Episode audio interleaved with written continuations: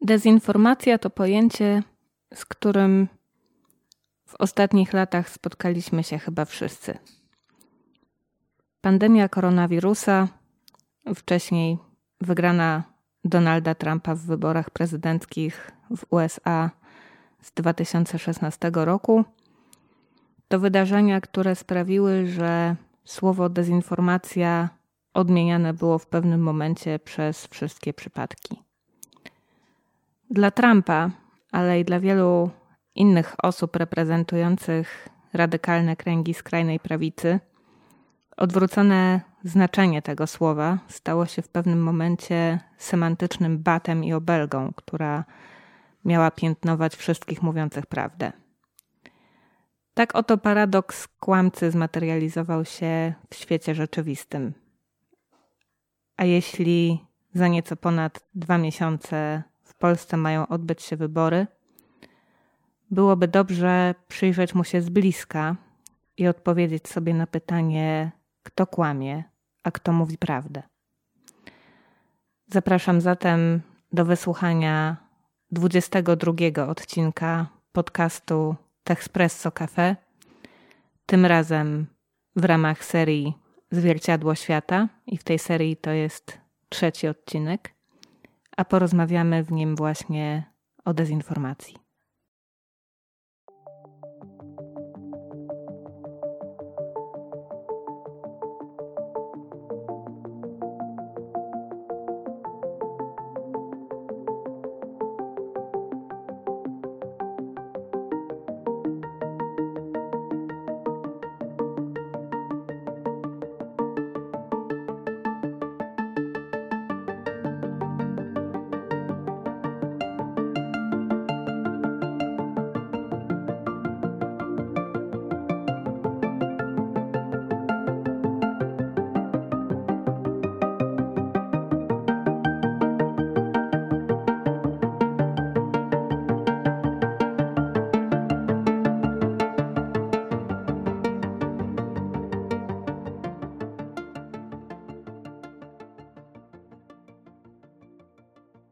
Samo pojęcie dezinformacji, bo od niego powinniśmy tę rozmowę zacząć, jest tak stare jak komunikacja.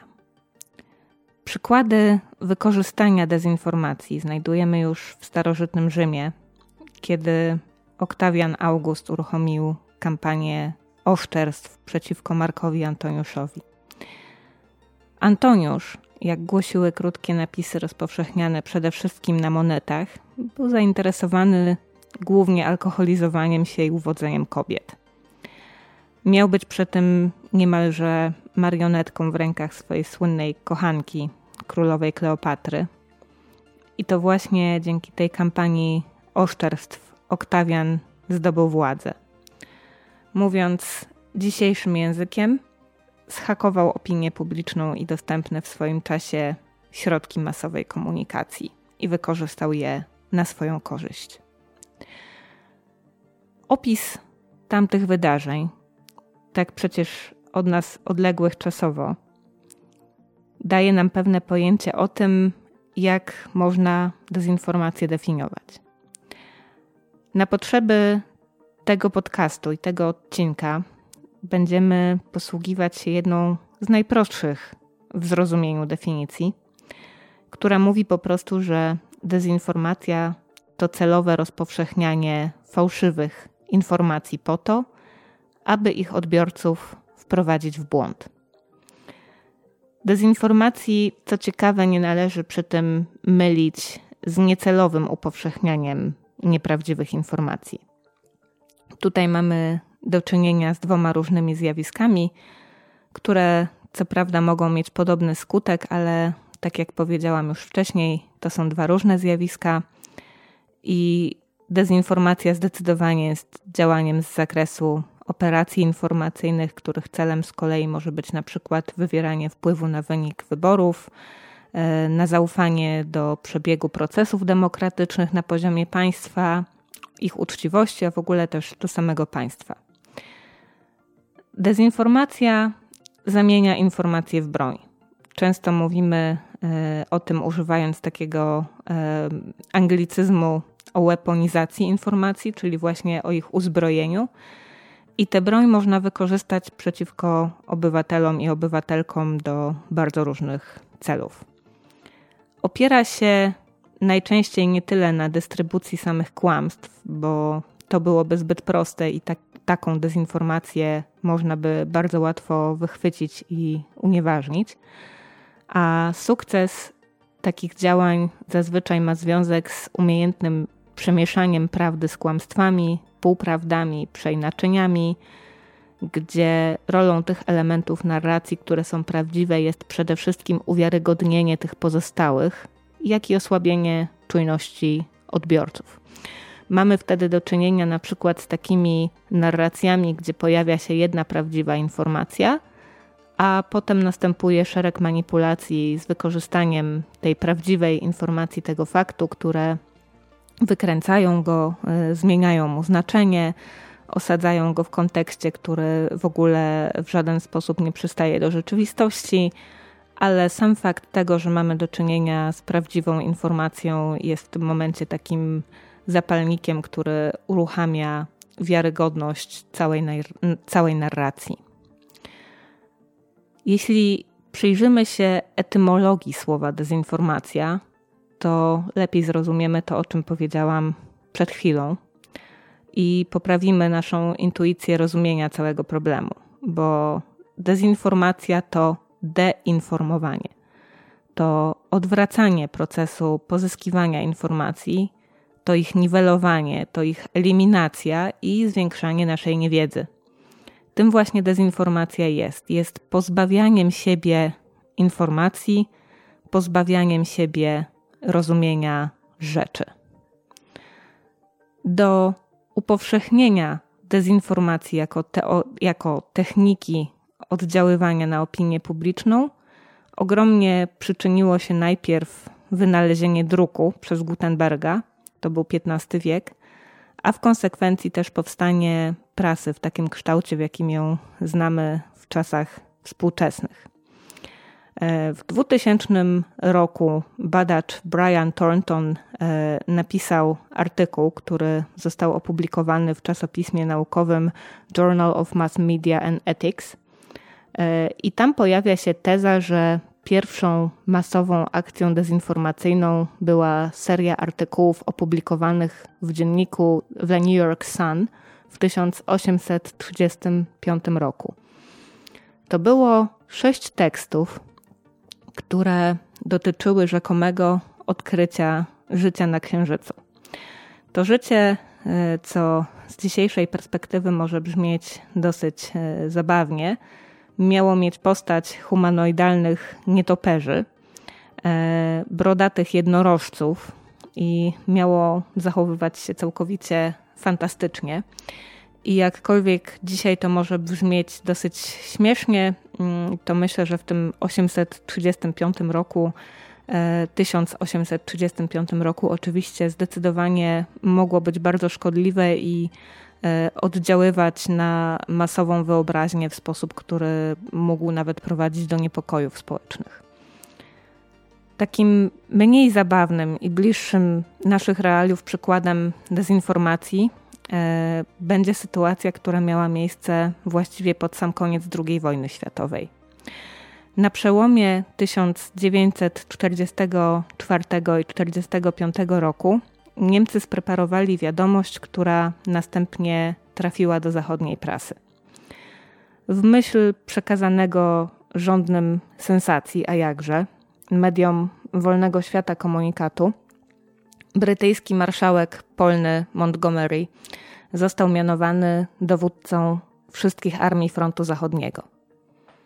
Było to oczywiście nieprawdą, ale przekaz bazował na tym, że Montgomery faktycznie chciał i czynił zabiegi wokół przejęcia kontroli nad sprzymierzonymi wojskami Stanów Zjednoczonych, Wielkiej Brytanii i Francji, e, co z uwagi na dysproporcje sił wzbudzało oczywisty sprzeciw ze strony amerykańskiej. Bo krótko mówiąc, Jankesi nie chcieli, aby dowodził nimi Brytyjczyk. Zanim ostatecznie zdementowano tego, jakbyśmy to dzisiaj powiedzieli, fake newsa, w sztabie generalnym rozdzwoniły się telefony powstał znany nam również z dzisiejszych e, realiów szum informacyjny i chaos. I ten chaos oddziaływał nawet na żołnierzy walczących na froncie. Po co Niemcy to zrobili? Jaki mieli cel w takiej dezinformacji? Był to czas, kiedy niemal kompletnie załamała się ostatnia wielka operacja frontu zachodniego, czyli kontrofensywa wojsk niemieckich w Ardenach. Hitler do samego końca miał nadzieję, że uda mu się skłócić aliantów i zawrzeć na zachodzie pokój, a wszystkie siły przerzucić na wschód i skierować je przeciwko już wówczas potężnej Armii Czerwonej Związku Sowieckiego, która się szykowała do Wielkiego Marszu na Berlin. Ta dezinformacja to było tylko jedno z bardzo licznych działań, które Hitler w tym kierunku podjął. Cofnijmy się nieco i przyjrzyjmy się temu, co się działo jeszcze przed II wojną światową w Stanach Zjednoczonych. Bo to właśnie tam narodziła się idea zarządzania opinią publiczną. O tym, jak była wykorzystywana w czasie wojny, mówić w tej audycji nie będę, wspomniawszy właśnie tylko o Ardenach. Myślę zresztą, że autorzy lub autorki audycji, które dotyczą tematyki historycznej, zrobią to lepiej ode mnie, a my się skupimy na tych aspektach cywilnych, bo tak prawdę powiedziawszy, to one właśnie nas najbardziej dotyczą. I paradoksem będzie, że ten przedwojenny amerykański wynalazek zarządzania opinią publiczną mm, nigdy nie był bardziej aktualnym tematem niż, niż to jest teraz, ale, ale do tego zaraz dojdziemy. Wtedy w Stanach Zjednoczonych opracowano koncepcję tak zwanej inżynierii zgody, czyli manipulacji opinią społeczeństwa w służbie demokracji. E, wymyślił ją Edward L. Bernays, który miał na celu mm, umocnienie systemu demokratycznego i e, takie zarządzanie opinią publiczną, żeby to jak najbardziej się przyczyniało do e, dobrobytu i e, dobrostanu społeczeństwa. I w 1928 roku napisał on taką swoją sztandarową pracę pod tytułem Propaganda. Inną jego książką e, była opublikowana w 1945 roku praca Public Relations i cały czas pozostajemy, jak widzicie, w kręgu pojęć o dużym znaczeniu dla infosfery, również tej dzisiejszej. Jak duże to było znaczenie, jak duże to nadal jest znaczenie, może zaświadczać opinia Bernaysa na temat tego, kto naprawdę dzierży władzę w państwie – a jest to zawsze ten, kto manipuluje niewidocznym mechanizmem społeczeństwa. To jest cytat. Jak dalej pisał Bernays, świadoma i inteligentna manipulacja zwyczajami i opinią jest ważnym elementem w społeczeństwie demokratycznym. Oczywiście istniały kręgi osób, które miały wobec tego wszystkiego wątpliwości etyczne – ale jak wszyscy dobrze wiemy, bardzo trudno jest być prorokiem we własnym kraju. I te osoby, które te wątpliwości co do wykorzystania teorii Bernaysa miały, e, wobec możliwości kształtowania polityki z wykorzystaniem mass mediów, już wtedy całkiem prężnie działających, e, nie miały siły przebicia. Polityka anglosaska też bazuje w takiej ogromnej mierze na pragmatycznym ujęciu rzeczywistości, niejako z automatu spychającym jakiekolwiek wątpliwości na dalszy plan, więc osoby, które po prostu miały wątpliwości etyczne, nie były jakoś e, specjalnie słuchane przez klasę polityczną. W XX wieku, jeśli chodzi właśnie o przekaz polityczny, mass media były wykorzystywane jako środek dystrybucji raczej autorytatywnego przekazu.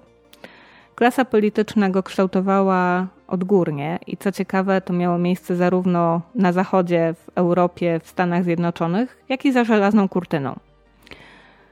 Dyskurs opierał się na mocno zdefiniowanych, sztywnych ramach. Instytucje publiczne i media cieszyły się relatywnie dużym zaufaniem społeczeństwa. Generalnie można byłoby powiedzieć, że to było jasne, że jeśli partia władzy coś mówi, no to trzeba o tym poinformować – I jeżeli główny oponent polityczny, mm, opozycja coś mówi, to należy zachować się dokładnie tak samo i w przypadku partii opozycyjnej również zrobić na ten temat porządny materiał. Oczywiście tutaj mówimy o realiach Zachodu, bo w krajach bloku wschodniego, gdzie rzeczywistość medialna wyglądała zgoła inaczej, inaczej też oddziaływały mechanizmy propagandy, jak i dezinformacji płynącej y, ze strony państwa, ale to jest zupełnie inny temat. Na Zachodzie przekaz medialny mógł być bardzo łatwo monitorowany pod kątem wszystkich naruszeń standardów, które z kolei były definiowane przez regulacje. Tak to ma miejsce na przykład y, względem brytyjskiego nadawcy publicznego, którym jest BBC. Tak powinno mieć miejsce w kontekście TVP, które ma misję i e, powinno ją realizować. Oczywiście nie oznacza to, że przeszłość, y, o której tutaj mówię, była czasem idealnym, wolnym od manipulacji, kompletnie czystym. E, absolutnie tak nie było, a jedyne co chcę powiedzieć to to, że mm, zdecydowanie łatwiej było rozliczyć podmioty za manipulacje i po prostu naprostować sytuację. Warto przy okazji dodać, że mm, media zachodnie też nie były do końca wolne, bo w mediach w czasie wojny mm, w ogóle nie możemy mówić o żadnej wolności. Tutaj e, dobrym kontekstem będzie e, sytuacja w BBC wobec operacji Barbarossa. I również warto też wspomnieć, że te problemy dzisiaj też nękają media brytyjskie publiczne. Warto wspomnieć choćby o Brexicie, o tym, jak wyglądała sytuacja wokół raportowania tego, co się dzieje przed referendum, gdzie BBC było oskarżane o bardzo dużą stronniczość. Więc e, z tą wolnością to, to też nie jest idealnie i e, należy o tym pamiętać. Jednak, tak jak powiedziałam, ta zdolność do rozliczenia mediów, do, do tego, żeby wskazać, kto jest odpowiedzialny za nadużycia, to jest, to jest jednak coś istotnego i coś unikalnego. Sam fakt, że doszliśmy społecznie do miejsca, w którym się znajdujemy obecnie, powinien być e, też takim dowodem na to, że w przeszłości infosfera miała swoje patologie. I te patologie z biegiem czasu ewoluowały i przekształciły się w populistyczne środki masowego przekazu, również te cyfrowe. E, I to jest rzeczywistość, w której obecnie funkcjonujemy, z którą mamy do czynienia. Dlaczego tak się stało? Jedną z przyczyn tego kierunku stał się spadek zaufania do mediów i do klasy politycznej. Co za tym idzie, spadło też zaufanie do instytucji publicznych. Media niejednokrotnie udowadniały, jak bardzo potrafią być skorumpowane i bynajmniej nie pełnić przy tym roli czwartej władzy, którą, której powinnością powinno być kontrolowanie rządzących przez patrzenie im na ręce. Media to zblatowanie z władzą, ale i z wielkimi korporacjami. I tutaj przyczyny to przede wszystkim proces krzepnięcia wielkich konglomeratów medialnych, takich jak na przykład Imperium Mardoka, które w pewnym momencie stały się równie potężne jak politycy lub partie polityczne i które dzięki tej mocy docierania do lwiej części społeczeństwa stały się po prostu narzędziem walki o władzę, zarówno na poziomie wpływów konkretnych frakcji, jak i poszczególnych osób. Można też powiedzieć, że media same zaczęły sprawować władzę, bo w Niemczech na przykład e, mamy do czynienia z redaktorami naczelnymi czy z wydawcami e, kontrolującymi niektóre tytuły, którzy po prostu wykorzystywali te tytuły po to, żeby promować e, uważaną przez siebie za słuszną agendę polityczną. I to są przypadki, które nie miały miejsca 30 lat temu, 20 lat temu, tylko dosłownie kilka lat temu, tak, w czasie na przykład y, kryzysu uchodźczego w 2015 roku. Więc to są rzeczy, które y, należy pamiętać, i to jest też cały szereg zjawisk, które wymagają ujęcia w oddzielny rys historyczny, mają bardzo ciekawą dynamikę.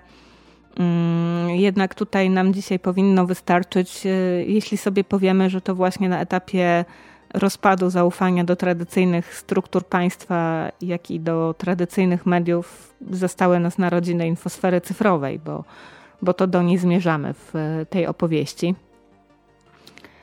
Dyskurs medialny i dyskurs polityczny w chwili, w której e, na scenę wkroczyły media społecznościowe, był po prostu banalny. Infosfera cyfrowa, kiedy się narodziła, dała nam wszystkim e, przede wszystkim wiarę w to, że możliwa jest demokratyzacja tego dyskursu, bo e, kiedy powiedziałam jakiś czas temu o autorytatywności przekazu w mediach, e, to ona już na tym etapie rodzącego się internetu była bardzo dużym obciążeniem dla społeczeństwa.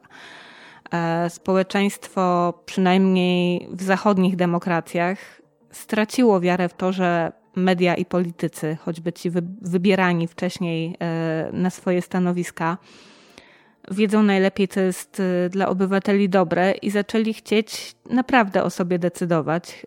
E, zaczęli chcieć prawdziwej demokracji i internet po prostu pojawił się jako takie doskonałe narzędzie do realizacji tego celu.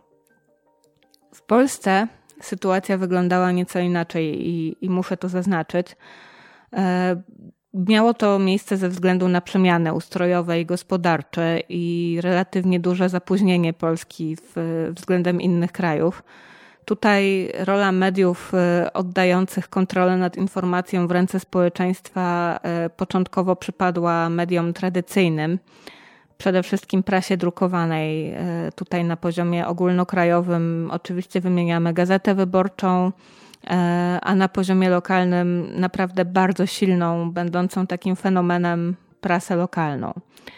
E, prasa lokalna nadal ma duże znaczenie i o tym świadczy przypadek e, wykupienia jej przez zależny od władzy i pozostający pod ścisłą kontrolą polityczną Prawa i Sprawiedliwości Orlen. E, I to, jak bardzo te media regionalne, media lokalne są istotne dla kształtowania opinii publicznej, to, to, to widać po prostu czarno na białym, no bo inaczej to myślę, że e, gigant paliwowy bynajmniej by sobie nie zawracał e, głowy wykupieniem tej prasy regionalnej. Tak jednak Prawo i Sprawiedliwość uznało, że to jest absolutnie fantastyczna metoda wpływania na społeczeństwo i kształtowania opinii publicznej u podstaw, i właśnie dlatego zapadła ta decyzja, która, która nigdy nie powinna mieć e, miejsca. Jednak wracając do infosfery cyfrowej, media społecznościowe i internet okazały się po prostu burzycielami dotychczasowego porządku. Bardzo często w licznych analizach pojawia się dzisiaj stwierdzenie, że to właśnie przez powstanie i upowszechnienie platform takich jak Facebook, TikTok czy YouTube mamy dzisiaj problem z dezinformacją.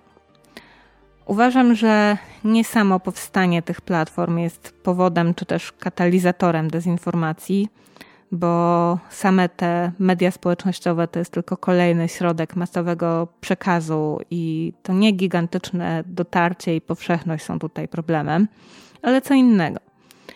E, problemem jest deliberatywne kapitalizowanie oddziaływania dezinformacji na społeczeństwo. Mówiłam już w tej audycji wielokrotnie o tym, że dezinformacja, manipulacja opinią publiczną, propaganda to są wszystko zjawiska, które są z nami od zarania dziejów, od początku uprawiania przez człowieka polityki, od pierwszych publicznie nadawanych komunikatów. W chwili, kiedy narodziły się wielkie koncerny kontrolujące media społecznościowe, zaczęliśmy mieć jednak do czynienia z zupełnie nowym i przywrotnym zjawiskiem, jakim stała się zmiana kryteriów wagi informacji. Najszybciej rozchodzi się, a przy tym najszerzej oddziałuje już nie ta informacja, która jest najważniejsza, ale ta, która wywiera największy wpływ na emocje swoich odbiorców.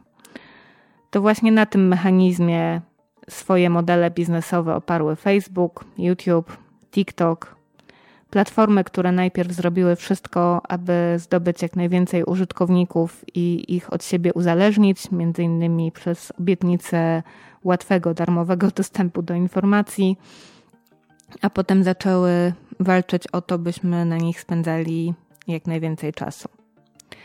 Zaangażowanie, które jest dla platform najcenniejsze, najłatwiej wzbudzić i utrzymać, oferując konsumentom nierzetelną informację, ale treści, które budzą emocje. Platformy to zrozumiały bardzo szybko, o czym pisze Max Fischer w swojej książce trybach chaosu, jak media społecznościowe przeprogramowały nasze umysły i nasz świat. W Polsce ta książka wyszła nakładem imprintu Szczeliny Wydawnictwa Otwartego, które przekazało mi egzemplarz recenzencki. E, moją opinię na temat tej książki można znaleźć e, na moim koncie Gosia Fraser na Instagramie. Tam jest post, można go przeczytać. Generalnie tę książkę polecam osobom, które chcą zrozumieć, jak działa świat mediów społecznościowych, jak oddziałują na nas algorytmy, dlaczego algorytmy wyglądają tak, a nie inaczej. Natomiast y, jeżeli ktoś już y, tę wiedzę zdobył, na przykład uważnie śledząc y, artykuły w mediach pojawiające się na ten temat, ten nie znajdzie tam niczego nowego. Jednak pokrótce opowiem o tym, co można tam znaleźć, bo, bo to jest istotne dla naszego dzisiejszego tematu. A Fisher opisuje w tej pracy, w jaki sposób przekaz o charakterze emocjonalnym, kontrowersyjny, mocny, zawalczył z sukcesem o naszą uwagę. Bardzo niepostrzeżenie przy tym zmienił naszą mentalność, przekierował nasze preferencje dotyczące konsumpcji treści informacyjnych, ale też publicystycznych z takiego dosyć wyważonego przekazu w stronę tego, który jest polaryzujący, rozchwiany, emocjonalny. I to się nie stało samo z siebie, bo bez decyzji o wprowadzeniu wartościowania interakcji przez Facebooka, gdzie zdecydowanie większą wartość w parametryzacji interakcji na platformie mają te, które budzą gniew lub irytację, bez podobnej decyzji na YouTubie o pokazywaniu angażujących i wciągających nierzadko w królicze nory, mm, takie pełne hejtu i, i, i skrajności e, treści, to dzisiaj by tych bogatych w skutki działań rosyjskich troli na platformach internetowych by nie było. Nie byłoby też kampanii populistycznych partii w krajach takich jak Polska czy Węgry, gdzie po ich zwycięstwie zaczęły się osuwać e, te kraje w autorytaryzm. Było to możliwe głównie ze względu na taką niedojrzałość instytucji demokratycznych, jak i niedojrzałość mediów, e, które powinny pełnić tę wspomnianą przeze mnie wcześniej rolę kontrolną, ale tak się nie stało. I bardzo szybko platformy społecznościowe zastąpiły je jako źródła informacji, jak i też po prostu zaczęły wypierać zaufanie, które instytucje demokratyczne w takich bardziej ustabilizowanych y, demokracjach mają. Zaczęły przejmować kontrolę nad y, społeczeństwem w sensie informacyjnym, i no niestety to się kończy tak, jak się kończy. Dezinformacja, teorie spiskowe, wiele razy już mówiłam, że istniały na długo przed Facebookiem i należącą do Google'a platformą YouTube jednak e, do tej pory znajdowały się tam, gdzie było ich miejsce, czyli na obrzeżach sfery publicznej. Nie przedostawały się, e, oczywiście z jakimiś wyjątkami, do mainstreamowego obiegu informacji, a algorytmy platform, o czym też pisze Fisher, wcale nie masowość e, social mediów, spowodowały, że ta tama puściła, ta bariera zniknęła a oddziaływanie dezinformacji i tych e, zmanipulowanych materiałów e, stało się odczuwalne dla nas wszystkich w zasadzie na każdym poziomie życia. Narracje, które kiedyś nie znalazłyby drogi do powszechnej świadomości, Dzisiaj y, każdemu chętnemu odbiorcy oferują wizję alternatywnej rzeczywistości, bo, bo to właśnie robią. Tak? Dezinformacja i teorie spiskowe odnoszą sukcesy, bo przedstawiają też y, rzeczywistość y, w zupełnie innym świetle, wykręcają ją, tworzą alternatywne światy. A media tradycyjne w zetknięciu z tym nie mają wyjścia i muszą podejmować tematy, które są w kanałach społecznościowych kreowane choćby po to, żeby mogły pozostać relevantne i uzasadniać swoje funkcjonowanie. Mm, w ten sposób domyka się błędne koło, które y, wytworzyły firmy z Doliny Krzemowej, bo postanowiły zarabiać wielkie pieniądze i nie za bardzo się przy tym przejmują kosztami społecznymi. I dlatego właśnie widzimy na przykład materiały budowane w całości w oparciu o tweety polityków albo e, jakieś zmanipulowane nagrania, do których media tradycyjne potem muszą się odnosić i to komentują. A te koszty społeczne biznesu big techów są ogromne. Na czym one polegają? Przede wszystkim na tym, że rosną podziały w społeczeństwie i pogłębia się brak zaufania do instytucji publicznych, do idei państwa w ogóle. E, to są problemy, o których już mówiłam w odcinku poświęconym braku zaufania do mediów. To jest e, odcinek o rozkładzie zaufania do mediów jako takich i, do państwa, e, które bądź co bądź te media opowiadają. W ogóle przyczyny rozkładu zaufania do państwa i do mediów e, są w dużej mierze zbieżne i to jest taka ciekawostka, mimo że media mogą być od państwa całkowicie rozdzielone i należeć tylko do sektora prywatnego, to jak się przyjrzymy, w jaki sposób te rzeczy są ze sobą połączone, to właśnie zrozumiemy, że kiedy rozkłada się zaufanie do demokracji, to jednocześnie gdzieś tam e, na boku rozkłada się zaufanie do mediów. Polityka chętnie się dostosowała do tych realiów. W końcu 2021 roku napisałam taki tekst, w którym przytaczam doniesienia jednego z amerykańskich think tanków zajmującego się badaniami wpływu Facebooka na demokrację w różnych krajach.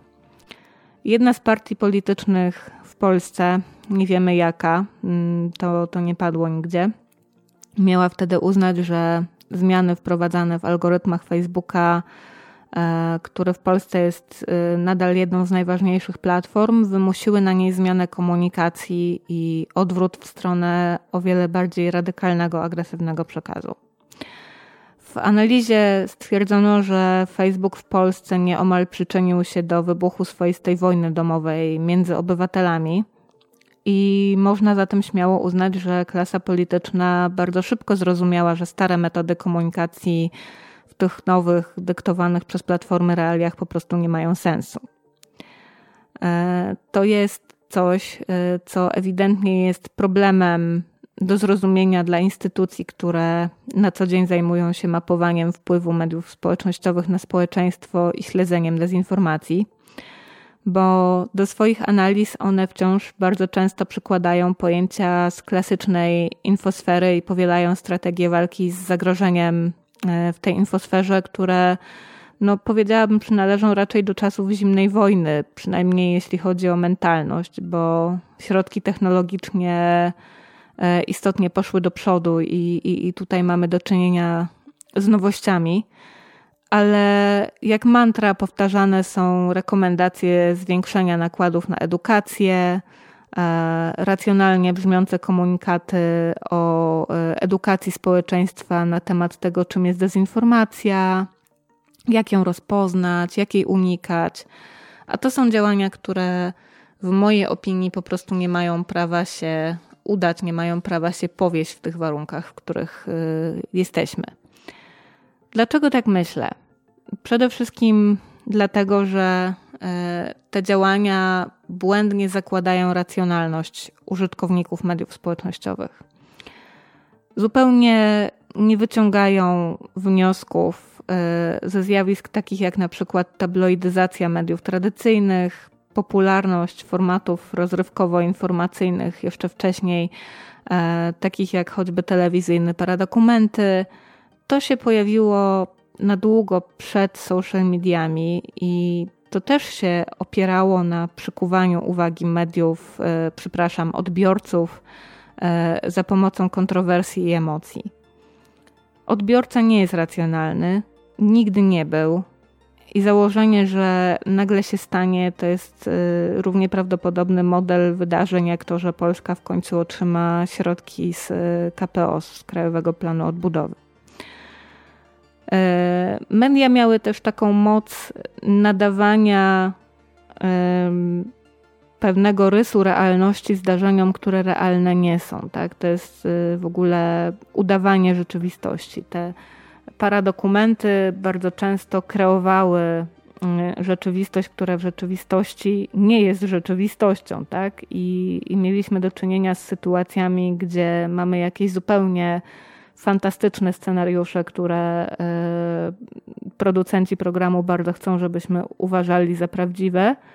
I faktycznie nasze pojmowanie świata zmienia się z biegiem czasu w tę stronę i e, kupujemy te imitacje, kupujemy te symulakra. Tutaj e, też odsyłam do odcinka o symulacji i o symulakrach, o kreowaniu rzeczywistości przez media też nagrałam e, na ten temat e, audycję i e, to będzie odcinek to będzie odcinek numer 3 Techspresso.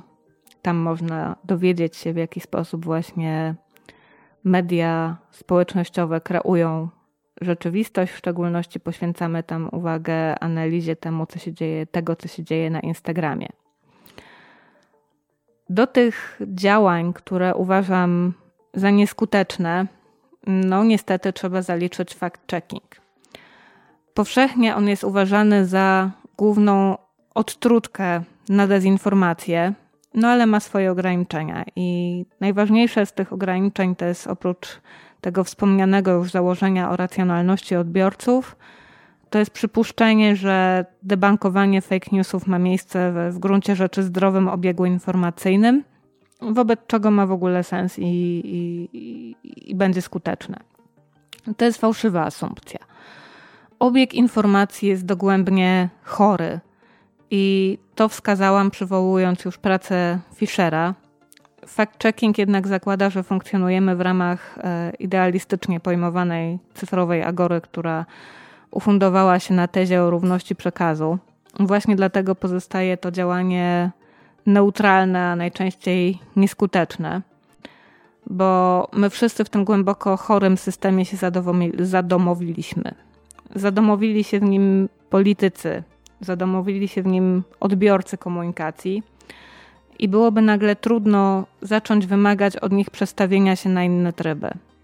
Facebook i inne platformy za pomocą mechanizmów opartych o neuronaukę i wiedzę o naszych przyzwyczajeniach skutecznie zadbały, żebyśmy w zestawieniu z nieustannym bodźcowaniem wspartym o przetwarzanie naszych najbardziej intymnych danych, następnie wykorzystywanych do głębszego wciągania nas y, w pętle wyrzutów dopaminy i FOMO, y, po prostu nie mogli się zmienić, tak? Żebyśmy, żebyśmy tkwili w tym zawsze i żeby jakakolwiek zmiana sytuacji była jedynie marzeniem, czy też po prostu projekcją zakładaną w jakimś wniosku grantowym, że y, kampania edukacyjna wywrze na coś jakiś wpływ.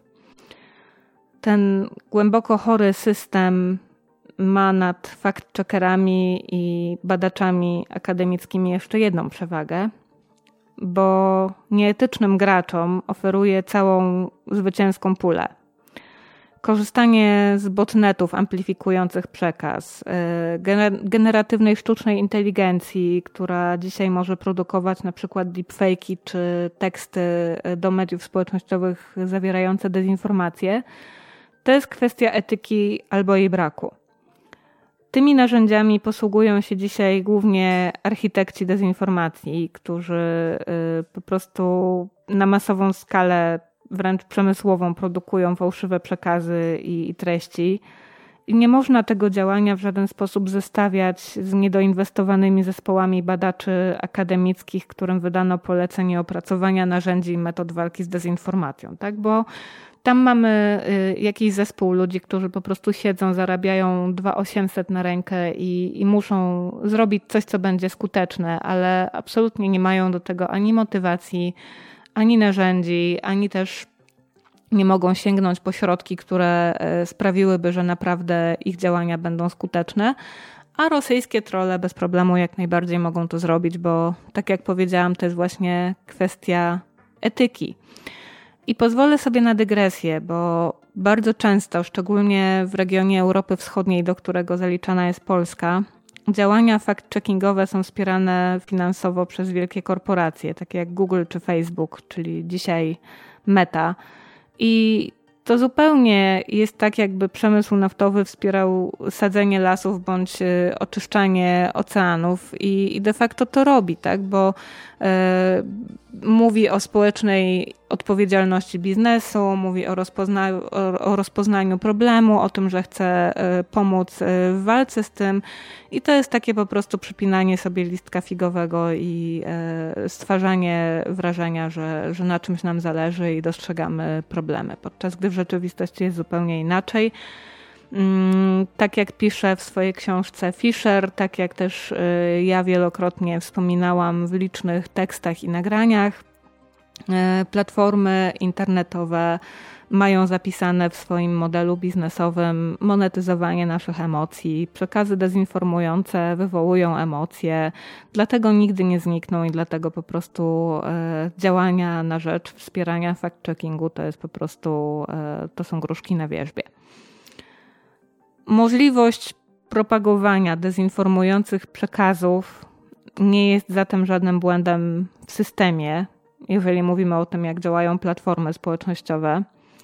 Ta możliwość to jest wręcz najważniejsza część e, ich rdzenia. Deklaracje big techów o walce z dezinformacją, polaryzacją, e, te twierdzenia, że dostrzegają ich negatywny wpływ e, na społeczeństwo Powiem szczerze, że mm, im bardziej tego słucham w kontekście e, wydarzeń e, takich jak na przykład ludobójstwo w Mianmie albo e, dezinformacja rosyjska, no to brzmi naprawdę śmiesznie. Tak samo te kampanie edukacyjne i, fact-checking, które realizuje się we współpracy z big techami, no okej, okay, miło, że są, ale w tych warunkach trafią nie tam, gdzie są naprawdę potrzebne, tylko do jakiegoś samozadowolonego grona decydentów lub, lub ekspertów i e, w ostateczności może sięgną też do osób, które są kompetentne samodzielnie na tyle, żeby unikać zagrożenia e, dezinformacją na własną rękę bo widzę, jak to wszystko oddziałuje właśnie na Twitterze, tak? I e, jak przekaz e, kampanii edukacyjnych realizowanych za grube pieniądze po prostu e, wali o ścianę i nic się nie zmienia, bo ostatecznie jadąc tramwajem nadal można zobaczyć, jakie strony internetowe odwiedzają ludzie i, co na nich czytają, a bardzo często są to media, które podszywają się pod serwisy informacyjne i właśnie pompują na przykład narracje anty antyzachodnie albo narracje, które mają e, zniechęcać Polaków do e, bycia w Unii Europejskiej. Mm, to są linki, które się e, rozprzestrzeniają z prędkością światła po grupach facebookowych, które przesyłamy sobie na komunikatorach. A Polska i Włochy to są w Unii Europejskiej kraje, które najmniej ufają źródłom informacji oficjalnym, a najbardziej ufają swojej rodzinie. Takie badania były prowadzone w czasie kryzysu covidowego, kiedy e, staraliśmy się wszyscy zastanowić nad tym, e, jakie są źródła dezinformacji antyszczepionkowej. No i wyszło oczywiście, że Polak bardziej ufa informacji od przysłowiowego szwagra niż tej, którą podadzą jakiekolwiek duże media. I, i to są właśnie takie problemy.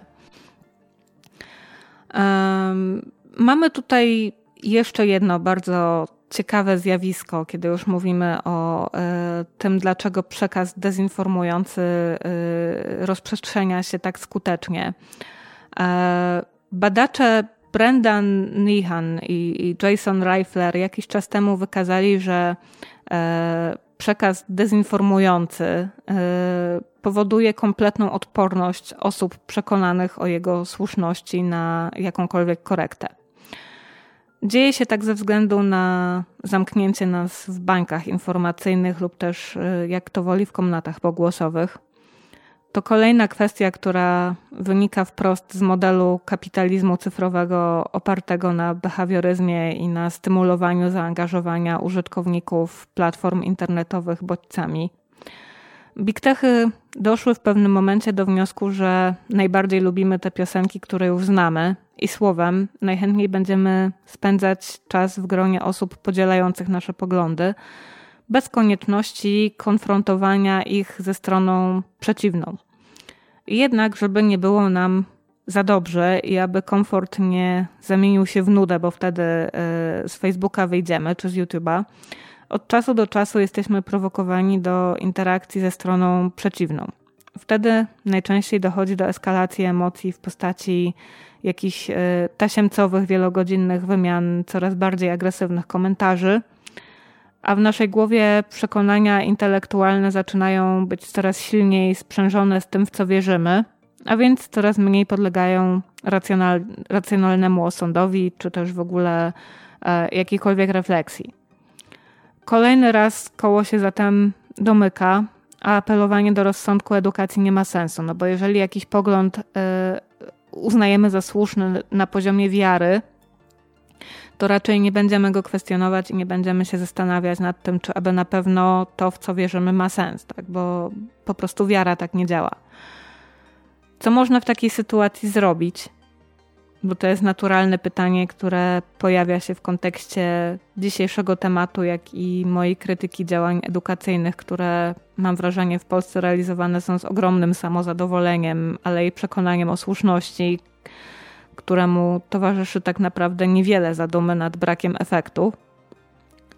Kilka dni temu oficjalnie ruszyła kampania wyborcza i powiedziałabym, że nie ma lepszego momentu na podjęcie działań niż teraz właśnie czas kampanii, czas, y, który pozostał nam do wyborów, będzie absolutnie najgorętszym czasem w cyfrowej infosferze i właśnie w tym czasie informacja będzie wykorzystywana jako oręż w walce o władzę. Jedyne wyjście, które moim zdaniem ma szansę naprawdę realnie przynieść efekty, to jest wyjście z mediów społecznościowych. Opuszczenie platform. Jeżeli nie na dobre, to chociaż wyproszenie ich z telefonu, aby aplikacje nie mogły gromadzić o nas takich ilości danych, powiadomienia warunkować naszych zachowań, a nadawcy informacji lub też dezinformacji mieć nas na wyciągnięcie ręki. Jeśli odinstalujesz Facebooka, TikToka, YouTube'a, najpierw ci podziękuję Twoja bateria w smartfonie, ale w dłuższej perspektywie myślę, że może się okazać, że powodów do wdzięczności będzie więcej. Bo partyjni propagandyści wiedzą doskonale, że wyborów już się nie wygrywa w przysłowiowych końskich, ale w sieci. I wiedzą, jak to zrobić, bo w użyciu są już nie tylko zachodnie playbooki. To jest coś, co przez najbliższe dwa miesiące będzie stosowane w praktyce na każdym i na każdej z nas. Jeśli podobał Ci się ten odcinek, wesprzyj moją pracę na patronite.pl kośnik Espresso. Kup mi kawę na bajkofitu ukośnik Espresso. Zapraszam też do kontaktu, do rozmów w grupie na Facebooku Espresso Cafe przy kawie o filozofii technologii, a także w innych kanałach, bo ostatnio są bardzo aktywne i mam nadzieję, że tę regularność uda się już utrzymać. A tymczasem żegnam się i mówię do usłyszenia w kolejnym odcinku. Dziękuję za Waszą uwagę.